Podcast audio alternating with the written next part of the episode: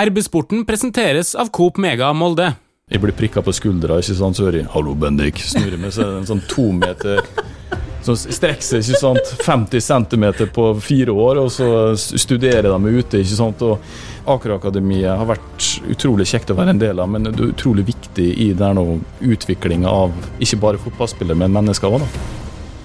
Velkommen til en ny episode av RB-sporten. Mitt navn er eh, Ole Bjørner Lo Velde. Vi er i svært godt humør. Molde fotballklubb er videre til eh, kvartfinale i NM, og eh, vi har et panel med Pernille Huseby, journalist og supporter. Velkommen. Takk for det. Hallo, hallo. Bendik Hareide, styremedlem i Molde fotballklubb og leder for salgs- og forretningsutvikling i kommunikasjonsbyrået Ting. Velkommen. Takk skal du ha.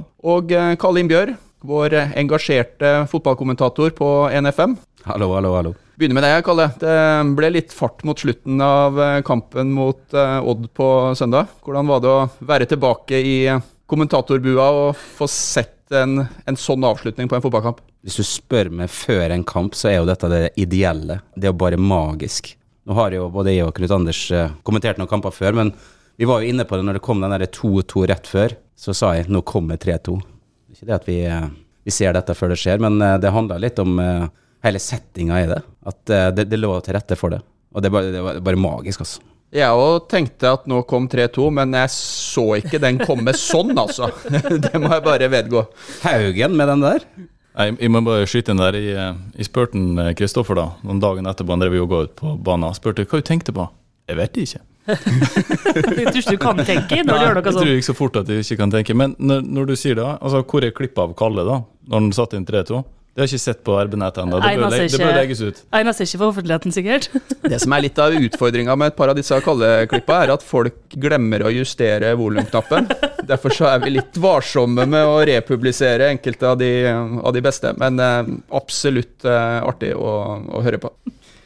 Da er det kvartfinale. Det er uh, ny eliteseriemotstander. Sarpsborg kommer til uh, Aker stadion søndag klokka 16.15, mens uh, de andre eliteserielaga, eller i hvert fall noen av dem, driver og spiller treningskamper og bytter spillere fram og tilbake. Så er Molde in it for, for the final. hva slags forventning har vi til søndagen mot Sarpsborg?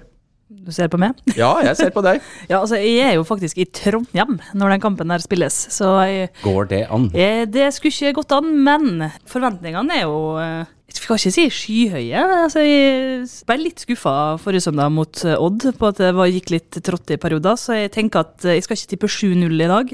Men jeg tror Molde vinner, eh, og jeg håper det blir mye folk på stadion. og jeg tenker at um, det er så viktig at folk viser, på en måte, stiller opp og viser et uh, engasjement for klubben. For MFK delte jo sjøl et klipp fra kvartfinalen i cupen i 2009. Vi skal ikke snakke om cupfinalen, men kvartfinalen. Eh, da Molde slo Rosenborg 5-0. Eh, unnskyld, hva du sa 5-0. Herlig kamp. 5-0. Ja, Et av de aller Magne fineste måla som er skåra på Aker stadion. Oi, oi, oi, oi. Ja, da, da var han iskald. Det der så han. Jarstein var ute å kjøre, og det er sånn. Men eh, hvis du ser tribuner på den kampen, det er tjåka fullt. Det er så fullt at det, det må ha vært utsolgt, det er jeg sikker på. Og det husker jeg før òg, at det var vanskelig å få tak i billetter til de kampene, eh, hjemmekampene mot Rosenborg. Men så kan man jo, altså, man jo ikke, man kan ikke tvinge folk på kamp. Eh, og i 2009 så hadde Molde vært nede en stund, akkurat rykka opp. Entusiasmen var kjempestor rundt klubben, og de var på vei mot å bli en toppklubb. Så vi var i en helt annen situasjon da enn vi er nå. Men dra på kamp, vær så snill. Nå står jo klubben faktisk i en situasjon der vi spiller kamper som betyr noe. Vi er i midten av mars. Og vi har spilt én kamp nå som har hatt vinn eller forsvinn. Vi skal spille kvartfinale i mars. Det er jo noe nytt. Det er nesten litt, nesten litt ennå. Shit, vi står i kvartfinale. Vi er to kamper unna Ullevål. Det er cupfinale i slutten av april. 30. april. Altså, 25 grader i Oslo. Går det an? Det kan ikke bli vakrere. Altså, jeg må bare si at Da jeg kjørte ned til stadion før kampen mot Odd, så når jeg så flomlysa fra stadion, så begynte jeg å grine. Da gikk det opp for meg at dette her, den kampen her, det er årets første liksom, offisielle kamp. Og den følelsen er det så viktig at vi på en måte bare dukker litt ned i da, at vi dukker litt ned i den og får, får det til å krible i kroppen. Altså, det er tre uker til seriestart, litt under tre uker til seriestart, og vi må bare komme i gang. Kommunikasjonsfaglig, Bendik, dette jobber jo du med. Klarer man på en måte bryte opp litt sånn etablerte rutiner. For det er som du sier, eh, forventninga er ikke at det skal spilles eh, kamper hvor det står så mye på spill i, eh, i mars. og Vi har i tillegg eh, bak oss to år med korona hvor folk nærmest har vært usikre på om de har lov til å gå på kamp, om de kan gå på kamp, om det er farlig å gå på kamp. Hvordan eh, kan man være med å bygge opp for et sånt oppgjør som eh, skal være på søndagen? Ja, altså, for å si det sånn, du nevner det med vanene. Koronaen har gjort det at vi har gått fra å gjøre det mest naturlige tingen i verden, som er håndhilse på folk. Og nå er det sånn når du møter folk, kan i håndhilse på folk. Vil de det, liksom? Ja, men vil, oh, er sånn, Du strekker fram hånda, så kan det bli kleint. og og så, har du, så har du det neste aspektet, som er, er det at uh, plutselig så fikk vi ikke lov å gå på kamp. Og da endrer vi vanene våre. Og det var en undersøkelse der nå, artikkelen dere eh, la ut for noen dager siden, så viser jo det at, at folk faktisk velger Netflix og sitter hjemme. Men se på det sjøl. Altså, du fikk ikke lov å gå på kamp. Hva gjør du da? Jo, du vil bli underholdt. Plutselig så sitter du, sant? Det er det ene underholdningsaspektet, og så har du det sportslige. sant? Da sitter du og så ser du én kamp på iPaden, én kamp på laptopen, én kamp på TV-en og én kamp på mobilen samtidig. Det er vaner du har lært deg. Og plutselig nå, altså. Ja, nå kan du gå på kamp. Ja, skal vi se. Hvordan var vanene igjen? Og hvis i sist kamp, da, det var ti over åtte på en søndag. Det er et veldig si, vanskelig tidspunkt for dem som bor langt unna. Det forstår jeg. Og I tillegg ble det ekstraomganger. Man var jo ikke i seng før, rett før tolv, og du klarte ikke å sove før klokka to. Nei, altså, det gjorde jeg ikke. altså. Nei, nei, nei, lå og dirra, jeg, altså. Du ligger jo dirra etter en Ja. sånn kamp. Men klart, det er litt den der Hvordan kommuniserer man? Jo, hvorfor går vi på kamp? Hva er grunnen til at vi går på kamp? Det ene er at jo, vi vil at Molde skal vinne. Vi ønsker jo å ha den der opplevelsen vi hadde nå sist med, med opphentinga. ikke sant? Det er jo magisk å være til stede. Det er nesten, Du får ikke det samme foran TV-en som du gjør med å, å hive rundt uh, halsen på sidemannen. Kommunikasjonsperspektivet, kan du si. Hva er det vi kan tilby hverandre med å være på kamp? Det er jo tilhørighet. Det er samhold. Det er den lille fotballpraten. Det er følelsen av når du tar på deg et drakt eller et skjerf, så står du ved sidemannen. Det spiller ingen rolle hvem du er, hvilken posisjon du har, eller hvor gammel du er. Det felles er faktisk at vi elsker klubben. Vi elsker å være til stede og dele den opplevelsen. Og det er jo dit vi må komme igjen. ikke sant? Det, er sånn, det tar tid å snu vaner. Og jeg tror og håper at vi kommer dit. Nå har vi hjemme mot Sarpsborg. Sarpsborg er god motstander. Og alle som har vært på Ullevål live, vet det at det er en helt fantastisk opplevelse. Kan det være. Og, det, og, dette, Som han- regel. og dette handler ikke om eh, Jeg, jeg hører jo dem som sier det i diskusjonen og, og debatten om lite folk, at ja, nå, MFK har ikke så mye supportere lenger, støtter ikke laget. Dette handler ikke om MFK sine supportere, det er som Bendik er inne på. Dette er ellers i samfunnet, om det er kulturkonserter eller håndballkamper eller hva det er, så er det nye vaner. Vi må bare jobbe sammen for å få folk tilbake, men eh, jeg frykter jo at det kan ta litt tid, da. Men nå kan vi faktisk hi vi kan stå sild i tønne. Vi kan hive oss rundt halsen på personen som står ved siden av. Litt sånn som man gjorde når man var på kamp nå, ikke sant? Ja, jeg gjorde det. Ja, men jeg gjorde det ja, selv. Og vi liksom high fiva med dem som satt bak oss, Ja. dem kjente vi ikke. Og vi satt jo og prata altså, Det er det, vet du, som er, det som er så fint, altså hele den, i tillegg til fotballen selvfølgelig, men altså som du nevnte i stad, det hele, hele den tilhørigheten og det samholdet. altså Man sitter og prater med folk man aldri har sett før. Og, for en romsdaling så det, kan det være en terskel å gjøre det utafor, men på stadion så er det helt naturlig. Ja, men det er akkurat det. Det, det, det, vi, må, er det vi må vekke, liksom. At vi la oss eh, være litt rom, Vi er jo romsdalinger. Det er en plass vi kan rope høyt uten at folk ser rart på oss, Jo, da må vi jeg- gripe Jeg, sjansen. jeg syns egentlig det er en litt sånn myte. Det er ikke så ille, skjønner du. Vi, vi, det er ikke litt sånn der noe hardsmilt. Men det er jo sånn artig at vi kan snakke litt sånn om oss sjøl. Men det er et eller annet med det her nå. Jeg har lyst til å gå tilbake til 2011, den sesongen. Alt var jo nytt for oss å være med å konkurrere, men stemninga det var på stadion, sånn elektrisk. Kampen mot godset. Ingen som glemmer den, ikke sant?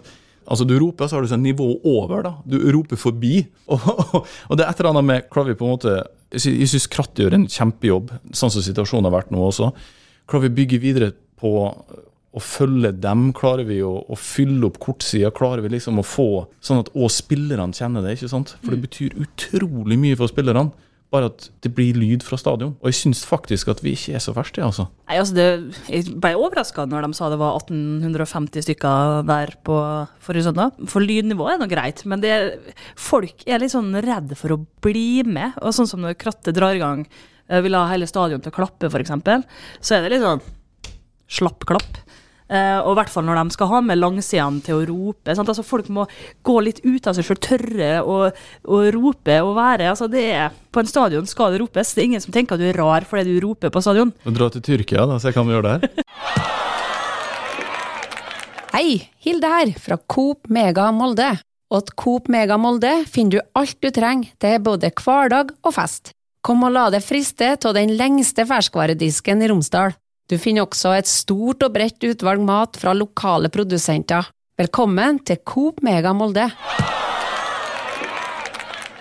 På søndagen så var jeg på kamp, og jeg hadde i utgangspunktet litt dårlig samvittighet fordi at jeg hadde meldt på tolvåringen min som eh, ballhenter. Og da hadde jeg ikke tatt høyde for det her eh, ekstraomgang, uh, mulig straffespark-greiene. sånn at eh, Du henta den når ja, eh, tid var ferdig. Så jeg skal, jeg skal vedgå da at uh, i den andre omgangen så satt jeg og var litt uh, gretten over det jeg så. Begynte å se på klokka og, eh, og så videre. Men så skjer det noen ting i de ekstraomgangene, og det er det jeg syns er så vanvittig bra med, med fotball, og som gjør at, med all respekt, Kalle, det er fantastisk å høre deg på radio, men det er bedre å oppleve det live. Når første ekstraomgang starta, så gikk jeg ned til guttungen og ga han litt sjokolade, sånn at han liksom skulle holde det gående den to ganger 15 da, som, som sto igjen. Men å stå og se ned på det som skjer når det blir 3-2 og Jeg så reaksjonen på han ballhenteren bak mål. Han sto helt i andre enden, altså, fra der det skjedde. Og du liksom ser Og da, da vekker du noen ting. Og jeg, jeg tror vi trenger Flere og flere av oss trenger på en måte å bli minnet på den følelsen, da. Og da tror jeg det begynner å, å smitte. Og vi må ikke tenke at det må være så veldig mange på stadion for at det skal bli gøy. Dra dit, møte opp, kjenn på det. Og så tror jeg det kommer flere og flere, eh, om ikke løpende, så i hvert fall eh, strømmende til eh, etter hvert. For det, det er så utrolig artig. Jeg, jeg syns klubben gjør en kjempejobb når det kommer til å tilrettelegge. Altså det har vært utrolig vanskelig gjennom koronaen både å kommunisere, tilrettelegge ikke sant? for at fansen skal få mulighet til å gå på kamp, at man skaper engasjement før kamp. Og nå vet vi jo det at nå kommer det jo lørdagskamper. Det kommer til å skje ting i forkant av kampene som gir folk ingen unnskyldning til ikke å gå på kamp. Kvart over fire på en søndag. Er vi ikke ferdig å gå på ski da? Hvis du har vært på byen, så er det kanskje ikke det beste tidspunktet. Du rekker det På byen? Hva, kort over fire? Ja, jeg var litt sliten kort over fire forrige søndag. Det er det verste jeg har hørt. Men, men, men det er et eller annet med at det skal ikke finnes mange unnskyldninger. Så jeg tror det at hadde det vært en drøm å få 5000 inn, da, å si det sånn, så tror jeg at det som du sier, at du, du, du vekkes noe. Jeg tenker liksom OK, nå er det kvartfinale, og jeg tror gutta kommer til å merke det veldig godt. At hvis vi klarer å få så mange på kamp. Og så plutselig så er seriestart òg. Du har en, en sånn, nesten sånn kickstart inn, en katalysator inn mot seriestart også. Selvfølgelig så er det jo, skal man bli underholdt av å gå på kamp. Men fotball òg er litt sånn at vi skal lide litt òg. For da blir gledene så utrolig sterke. Det så vi mot Odd. Ja, men, ja, men, ja, men det er jo sånn, ikke sant. Ja, ja. Første omgang var jo Det var jo Altså, jeg syns at jo, vi kan prestere bedre, men Odd var gode. Jeg syns vi snakker litt for lite om at de presterte faktisk godt, og gjorde det vanskelig for oss. Og sånn blir det på Aker stadion, fordi vi er sannsynligvis bedre enn alle motstanderne. De vil gjøre hva som helst for å, å ta oss. Det fikk vi et bilde på nå. Men det at vi klarer å stå i det, og snu det, det er jo det som er en kjempestyrke. Og da, da får du litt den der følelsen, den der nå eh, Det er priceless, da, det du opplever i ekstraomganger. Hvis de kan gjen, gjenoppleve det, så vil de gjerne gjøre det. De, mål, de tre målene her. Og så får du jo også på stadion med deg sånne eh, andre festlige ting som ikke nødvendigvis blir snakka så mye om på TV. Altså Magnus sitt gule kort for feiring, f.eks. Eh, Haugens gule kort for et eller annet merksnodig som foregikk på andre sida som ikke helt fikk med meg. Men altså, det er så mye rundt, den, eh, rundt kampene som du, som du må, må oppleve på stadion for å få full effekt av. Og det er jo helt nydelig når hele MFK raser ut på banen og får gult kort, mens Odd fikk ikke gult kort for å gjøre det samme. Men altså, Ja, der var jeg veldig, jeg var veldig forbanna når Odd uh, skåra, og eh, jeg sa det til han jeg satt ved siden av. Det der er jo gult kort, de er jo utpå der hele gjengen. Men at Magnus fikk det gule Ja. kortet, det fikk jeg ikke med meg. Ja, nei, nei, nei, jeg, jeg så det ikke selv, hørte på noen kommentar, kommenterte, så tenkte jeg OK, Odd hadde jo hver, hver skåring. ja, det Altså, var det alle- strømma ut. Og så Ja. Magnus, jeg vet ikke om ja, Kanskje han eh, ropte litt høyt og ble litt for glad, da. Jeg vet ikke. Håper han ikke mister en cupfinale pga. det. Nei, ja, det er jo en eh, Nei, du må ikke jinxe. Nei, nei, nei, det er jinxa. Vi snakker ikke om det. Et annet øyeblikk eh, på det 2-1-skåringa til Odd, som var fascinerende å se, det var reaksjonen til Erling Moe. For da, Ja. da var det et sånt spark inn i sida på um, innbytterbenken. Eh, ganske sånn bestemt. Jeg tror det ljoma for dem som satt der med pledd og fraus. Eh, det var kanskje ikke utslagsgivende akkurat det, men det skjedde noe nå etterpå snudde. Vi skryter jo mye av eh, Molde, det er jo derfor vi er her. Men jeg har lyst til å skryte litt av Odd òg. Det er lenge siden vi har sett en motstander komme så ekstremt godt forberedt som de var på Aker stadion nå eh, sist helg. De, de kom da med en eh, kampplan på å bryte ned Molde sine store ferdigheter. Eh, Magnus Wolff Eikrem eh, fikk eh, frimerke, og det skal bli interessant å se om eh, noen andre kommende motstandere også har sett det samme. Syns jo det i seg sjøl, altså det var det var jo ikke artig å se det, men det var fascinerende å se at Molde sleit under det. Håper vi ikke får sånne tilstander som du har i håndball, da, i hvert fall i gamle dager. At den som får frimerke, bare trekker seg tilbake og blir stående. Men blei det ikke litt sånn, eh, Bendik? da? Eh, Magnus blei frustrert, rett og slett, for han hadde en på seg hele tida? Ja, det, det vi, sånn som jeg ser det nå, så, så har vi spilt eh, to treningskamper i det siste. Fantastiske kamper. Ikke Skåret elleve mål på to kamper. Eh, men når treningskamper er litt spesielle, for der tenker lagene på seg sjøl. Man tenker på hvordan man sjøl opptrer, sine egne bevegelsesmønstre. Tar ikke i så stor grad hensyn til motstanderen. Det er derfor treningskamper ofte kan være litt merkelige. Du kan få en indikator på sitt spillet vårt, men hvordan spill mot motspillet, det får du sjelden et godt bilde på. Jeg la merke til intervjuet med, med Paco, treneren til, nye treneren til Odd, som er en svært dyktig fagmann. Han eh, understreker at de skal komme til å våge og komme med entusiasme. Eh, I tillegg så vil jeg nok tro at en Paco har gjennomanalysert Molde til minste detalj. Vi møter første reelle kampen der motstanderen virkelig forbereder seg på vårt spill. Og de kommer med en voldsom entusiasme og en klar plan på hvordan de skulle forsvare seg, og hvordan de skulle angripe. Som de lykkes godt med. Og det ble en reell test. ikke sant? Man henger litt i tauet, bruker bokseterminologien. ikke sant? Henger litt i repet. Man må prøve egentlig bare å stå i det. Og jeg tror styrken, da, sånn som jeg ser det, er det at vi kommer oss til pause, og en Erling går inn, de gjør justeringer, og vi kommer ut, og vi blir bedre og bedre og bedre. Vi, vi gjør bytter som var riktig i forhold til kampbildet, og det synes jeg virker en, en veldig styrke, fordi at man ikke trykker på panikknappen og tenker at nei, nå, nå må vi gå over til 4-2-3 igjen. Det er jo egentlig bare en, en tallkombinasjon. Det er måten man opptrer defensivt og offensivt som påvirker det. At man da står med en treer nede for å gjøre det vanskeligere å skåre mål. Men jeg, jeg synes det egentlig at det viser en kjempestyrke i gruppa.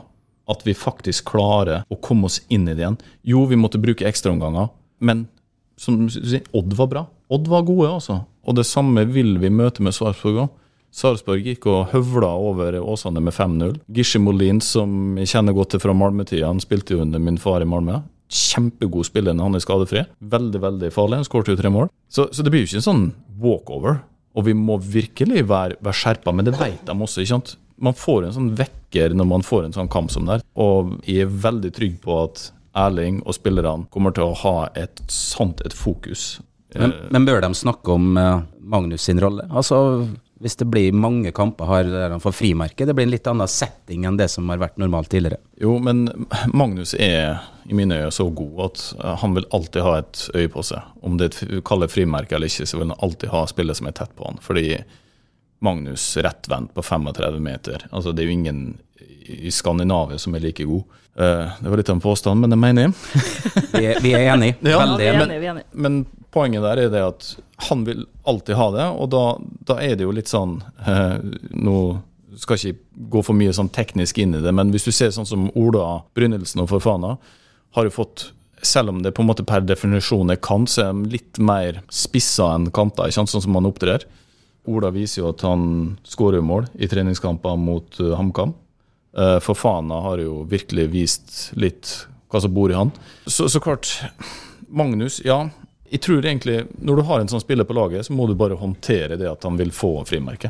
Og det, det er en del av gamet, altså. Men på bortebane så får han kanskje mer plass, ikke sant? for da er ofte motstandere mer fokusert på seg sjøl. Så det er egentlig bare noe man må løse, tror jeg.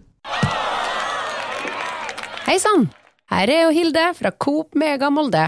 Kom innom og la deg friste av den lengste ferskvaredisken i Romsdal. Velkommen til Coop Mega Molde. Det ble litt som jeg håpa det her, Bendik. Jeg håpa vi skulle snakke mye fotball. eh, Og du er jo en fotballperson. Vi har kanskje noen lyttere som ikke kjenner din ferd eh, inn i styrerommet til, Molde fotballklubb. Så kort, eh, hva er din fotballhistorie? Kort. Nei, jeg, begynte i MFK i tror det var 1985 eller 86. da. Etter vi flyttet hjem fra England på Knøtt, og ble med hele veien opp til å bli junior-norgesmester i 97. Da hadde vi jo fantastisk sterke generasjoner. I 77-gjengen så var det Terje Lervik og Per Olav Sætre som ble tatt opp til, på A-laget. I 78 så var det Kyllingrekka, Mork, Hasselgård og Ord, pluss Ståle Rønningen og Knut Lillebakk. I min generasjon 79 så var det Svein Tore Brandtzæg og Torgeir Ruud Ramsli, og så året etterpå kom Magne Hoseth. Så det var veldig mange som kom opp. Og i tillegg, da, året etterpå så ble det Champions League. Jeg var god, men ikke god nok. Eh, og da ble jo fokuset studier. Flytta til Danmark, spilte på andrelaget til Brøndby. For fattern trente Brøndby, så det ble leilig der. Gikk til Vidovre i første divisjon og frem, spilte der, men der Altså, jeg er kjeks, da. Mariekjeks. Jeg tror, jeg tror det er ikke et bein i kroppen ikke er knekt, og ikke et bånd ikke er revet av. Altså, det sånn skademagnet. Det krevde for mye, da, rent sånn fysisk helt tatt, å, å kunne satse videre. Så da ble det rival i bredde. Fra 2006 til jeg tror det var 2000 Store rivaltida med tredjedivisjon og bedre enn treff i perioder. Når vi toppa tredjedivisjon, jeg lurer på om det var 2008, 16. mai, så printa vi ut tabellen og gikk i, i tog med tabellen. Da var det rival 1 og treff 2. Jeg tror vi holdt på å rykke ned mens treff de holdt på å rykke opp. Men um, i 2007 så em, Jeg tror det var Erling som ringte meg og spurte om jeg ville være spillerutvikler i Aker-akademiet. Og har vært med hele veien eh, med den SP, altså spillerutviklingsgruppene på torsdager. Så det er utrolig kjekt når du ser jeg lover å si mine spillere, det er jo ikke det, men du ser Emil Breivik, du har um, spillere ute, ikke sant, Leo Østegård og Ellen Hust har vært litt i media nå i siste. Ikke sant, Det dukker opp dem. Men det er jo like kjekt når uh, jeg blir prikka på skuldra, ikke sant, så hører jeg 'hallo, Bendik', snurrer meg, så er det en sånn to meter som strekker seg ikke sant, 50 cm på fire år, og så studerer de ute. ikke sant, og Aker-akademiet har vært utrolig kjekt å være en del av, men det er utrolig viktig i utviklinga av ikke bare fotballspillere, men mennesker òg. Og jeg har jo på hjemmebane og en som jeg har diskutert mye fotball med de siste åra. Ikke i fjor, da, men de Det er ikke Knut Arild Hareide, men Nei, Nei, han kommer fra feil side av Hareide, han Knut Arild. Det er på, det er på skyggesida, han.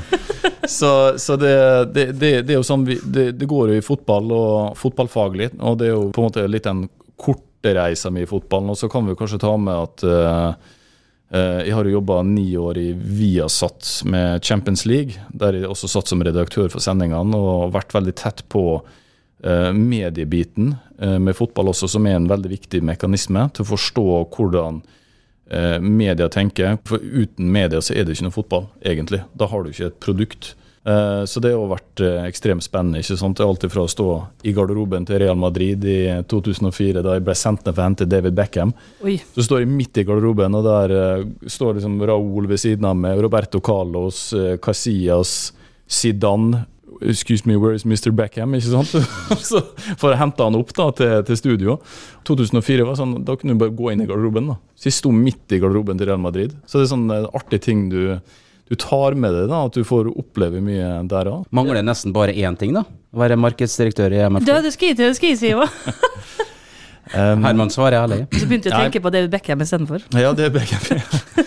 Når det kommer til det, så er jo jeg medeier i, i ting, selskapet mitt. Og det, jeg er prisgitt til å ha en jobb der jeg gleder meg hver eneste dag til å, å gå på jobb og, og utvikle det vi holder på med. Uh, både med kollegaer og kunder og alt. Eh, I tillegg så er jeg i en familiesituasjon med at jeg har ei datter med spesielle behov.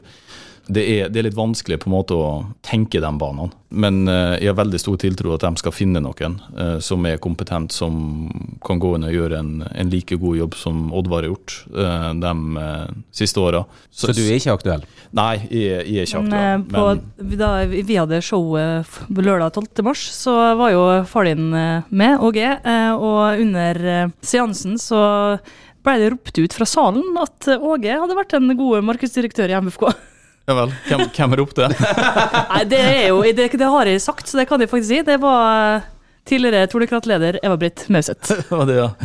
ja, nei, jeg tror nok han har eh, kan du si, avkjent sin På tide å slappe av. plikt innen fotballen, og på tide å, å prøve å nyte den fra sofaen. Nei, ikke sofaen, tribuner.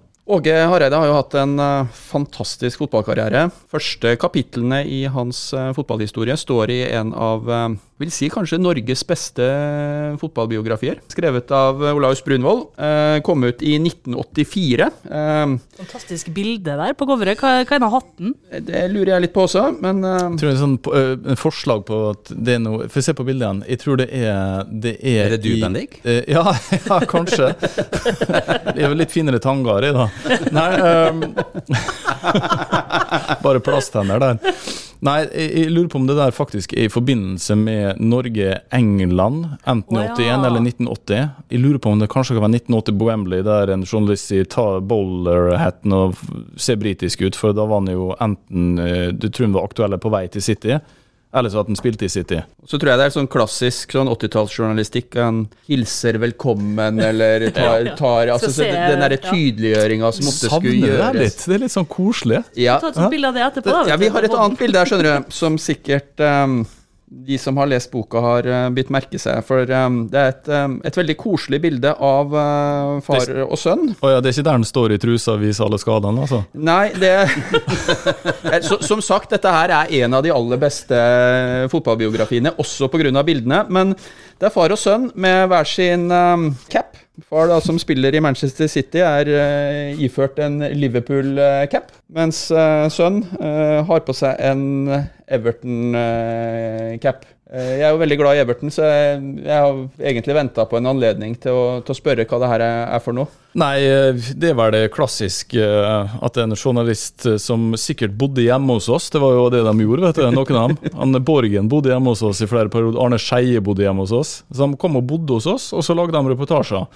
Men eh, det der er vel egentlig bare en journalist som tenker at OK, England, skal vi se, to lag, Liverpool, Everton, ta på dere en caps hver, og så tar tar vi bilde. Det blir, det blir koselig. Da, da, nå er vi i England. Sånn morsomt hadde jo vært hvis de hadde blitt Everton-fan, da, men eh, ble jeg aldri det. Du ble allerede, altså. Nei, MFK. jeg. Har ikke noen Er du andre- bare MFK? Ja, jeg Ja, det. òg. Ja. Nei, Hvorfor skal jeg ha andre lag? five. High five. Det Ole Bjørne lurer på, er om du fortsatt har den capsen.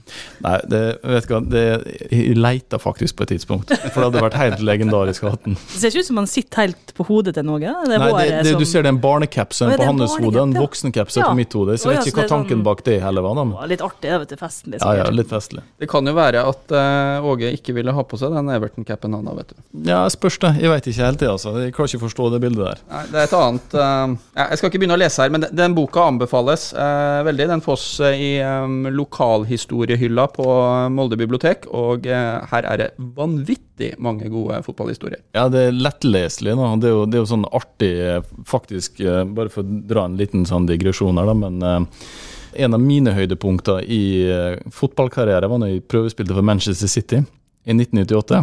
Da var vi i League One. Jeg, kom, jeg spilte for andrelaget til Molde, og vi skulle bort og besøke Ole Gunnar da, eh, Solskjær. Skulle se en kamp og hilse på han og, og Silje. Og så eh, kommer jeg dit, og så tenkte jeg skulle trene med andrelaget. Og så får jeg klærne, og så peker de til venstre istedenfor høyre. Der står det 'First Team'. Så tenker jeg, hva i alle dager? Fikk jeg ei uke med City, da. Og så kommer, City, går inn i garderoben, og der sitter Nikki Weaver, han keeperen, for dem som husker han som redda dem og sendte dem egentlig opp eh, i playoffen. Eh, Men det fascinerende med kulturen og England, da. eh, Da lå jo treningsanlegget på ved siden av Moss Side, som er et ganske tøft område i Manchester. Der sto jo 500 arbeidsledige og så på treninga og lurte på hvem han langhåra nordmannen var. ikke sant? Og um, det var en fascinerende uke. da, han Paul Dickov, for Oi, oi, oi, han. ja. Han ble jo uh, our guardian, da, så han tok jo oss med på lunsj og fulgte oss rundt. Og var en kjempetrivelig kar. da. Han var en sånn illsint, uh, rabiat skotte på banen. Var verdens hyggeligste utafor. Ikke noe problem med å se for meg. Det ender jo med selvfølgelig første gjør, da. Det er jo når vi spiller sånn eh, kortbanespill, så klarer vi å slå luke på kapteinen som heter Morrison. Og hvis du bare googler Morrison Man City Captain, så ser du hvilken type det var. Han så ut som rugbyspiller. Så han klippte meg ned i hoftehøyde, sto over meg, sa en del stygge engelske ord at jeg skulle ikke finne på å gjøre igjen, det kan du bare drite i. Og det var liksom lista lagt, da. Joe Royal var trener. Å, herregud! Ja, det er jo tidligere Everton. så jeg hadde, jeg hadde jo ei uke, uke der. Sean Gauter på topp. Han maltrakterte meg, da, så jeg fant ut det at uh, Joe kom etter uka og sa at uh, You're a good player, son, but this is, this is a level up. Og er bare sånn, ja, Greit, jeg aksepterer det. Da går vi videre. Så det, det, men det som er fascinerende, er egentlig at den kulturen da, i, i og rundt klubben da 98, det er sånn ti år siden var det 88. Ikke sant? Så det er, liksom, det er ikke så Det er litt en old school. Nå er jo alt så proft, og alt er får- helt annerledes. Jeg får helt frysninger når du forteller det her. Så tenker jeg Manchester City i dag, og, og Ja. det City som du besøkte i 98. Mm. Jeg hadde valgt 98-varianten hvilken dag som helst. Hei, Hilde her, fra Coop Mega Molde. Kom innom og se vårt store, brede utvalg av mat fra lokale produsenter. Vi har også gavepakker til den som har alt. Velkommen til Coop Mega Molde. Vi eh, skal snakke oss litt inn igjen på det vi håper skal bli en stor eh, fotballopplevelse på søndag. Ja, prøve å titte inn i glasskula. Vi var veldig optimistiske forrige runde, men alle sammen trodde på MFK-seier, og sånn sett så fikk vi i hvert fall riktig. Skal vi våge oss utpå en, eh, en ny runde? Hvordan går det når Sarpsborg kommer til eh, Aker stadion på søndag? Ja, jeg fikk litt kritikk for å være litt for eh, positiv sist. Så jeg tror Molde taper. Nei, jeg tror Molde vinner 4-2 etter ordinær tid. Det blir ikke ekstraomganger nå, tror jeg. Kort, hvor skal du se kampen i Trondheim? På mitt hotellrom. Jeg orker ikke å sitte blant trøndere og sånn. Det, det er jinxing. Det hadde vært artig da, i blått og hvitt på en eller annen Nei, du, det har jeg gjort før. På. Three Lions. Three Lions. Det har jeg gjort før, og da ble jeg spytta på og kasta snus på, eh, og det orker ikke. Nei, det unner jeg deg på ingen måte. Uh, Bendik, Jeg tror vi vinner 2-0. Vi slipper ikke inn mål. Vi kommer til å møte en veldig god motstander i Sarpsborg. Det jeg har hørt, så virker de skarpe.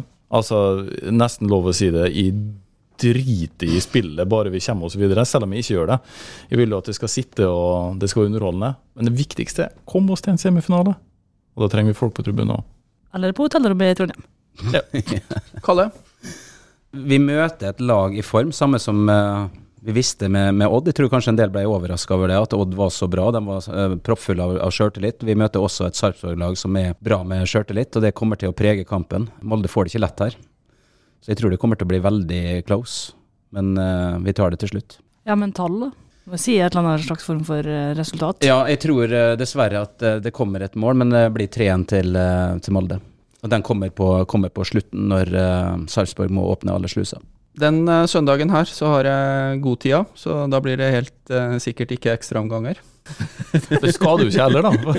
Nei, jeg vil ikke ha ekstraomganger. jeg, jeg, jeg kunne ønska meg ekstraomganger. Det er god tida. Så lenge er det vi vinner. Koselig, i hvert fall hvis det er finvær på stadion. Da kan jeg sitte der glatt i tre timer. Så, eh, men jeg tror ikke det skjer den, den helga her. Jeg tror uh, Molde tar det sånn passelig spennende. uh, 2-0. eh, og da gleder jeg meg til, eh, til trekninga, for da kan det jammen ligge en hjemmekamp i semifinale i eh, potten. Ja, Så lenge det ikke er Bodø-Glimt. Kanskje Ja, men vi skal jo spille treningskamp sånn. Vi skal jo spille treningskamp på Bodø-Glimt 27. mars, så nei. Bodø-Glimt er helt greit. Da, Ja. det, det, det, man man skal vinne i cupen uansett, og da er vel sjansen stor for at man møter Bodø-Glimt på et eller annet tidspunkt. Og ta dem på Aker stadion i en semifinale er bedre enn å få cupfinale i- mot, mot Glimt. Og vår holdning skal være det at vi skal ikke drive og snakke om Uff, ikke Bodø-Glimt. Jo, ja, det, Nei, er der nei, nei, nei, nei, nei. Det er dem som skal være redd for å møte oss. Ja, men det er dem ikke. Jo, det er dem. kommer til å være redde for å møte Molde fotballklubb på Aker stadion i en semifinale. Garantert. Jeg tror alle skjelver i buksa. Samtlige, faktisk. Til eh, deg som lytter, så takker vi nok en gang for eh, følget. Bendik eh, Hareide, tusen takk for at du kom og ble med oss i Arbeidssporten. Vi har ikke glemt at vi har en konkurranse. Vi skal trekke en vinner, og det kommer i neste episode. Vi er ikke sånn supergode på konkurranser. Husk at dersom du abonnerer på Arbeidssporten der du abonnerer på podkast, så får du beskjed når en ny episode er klar.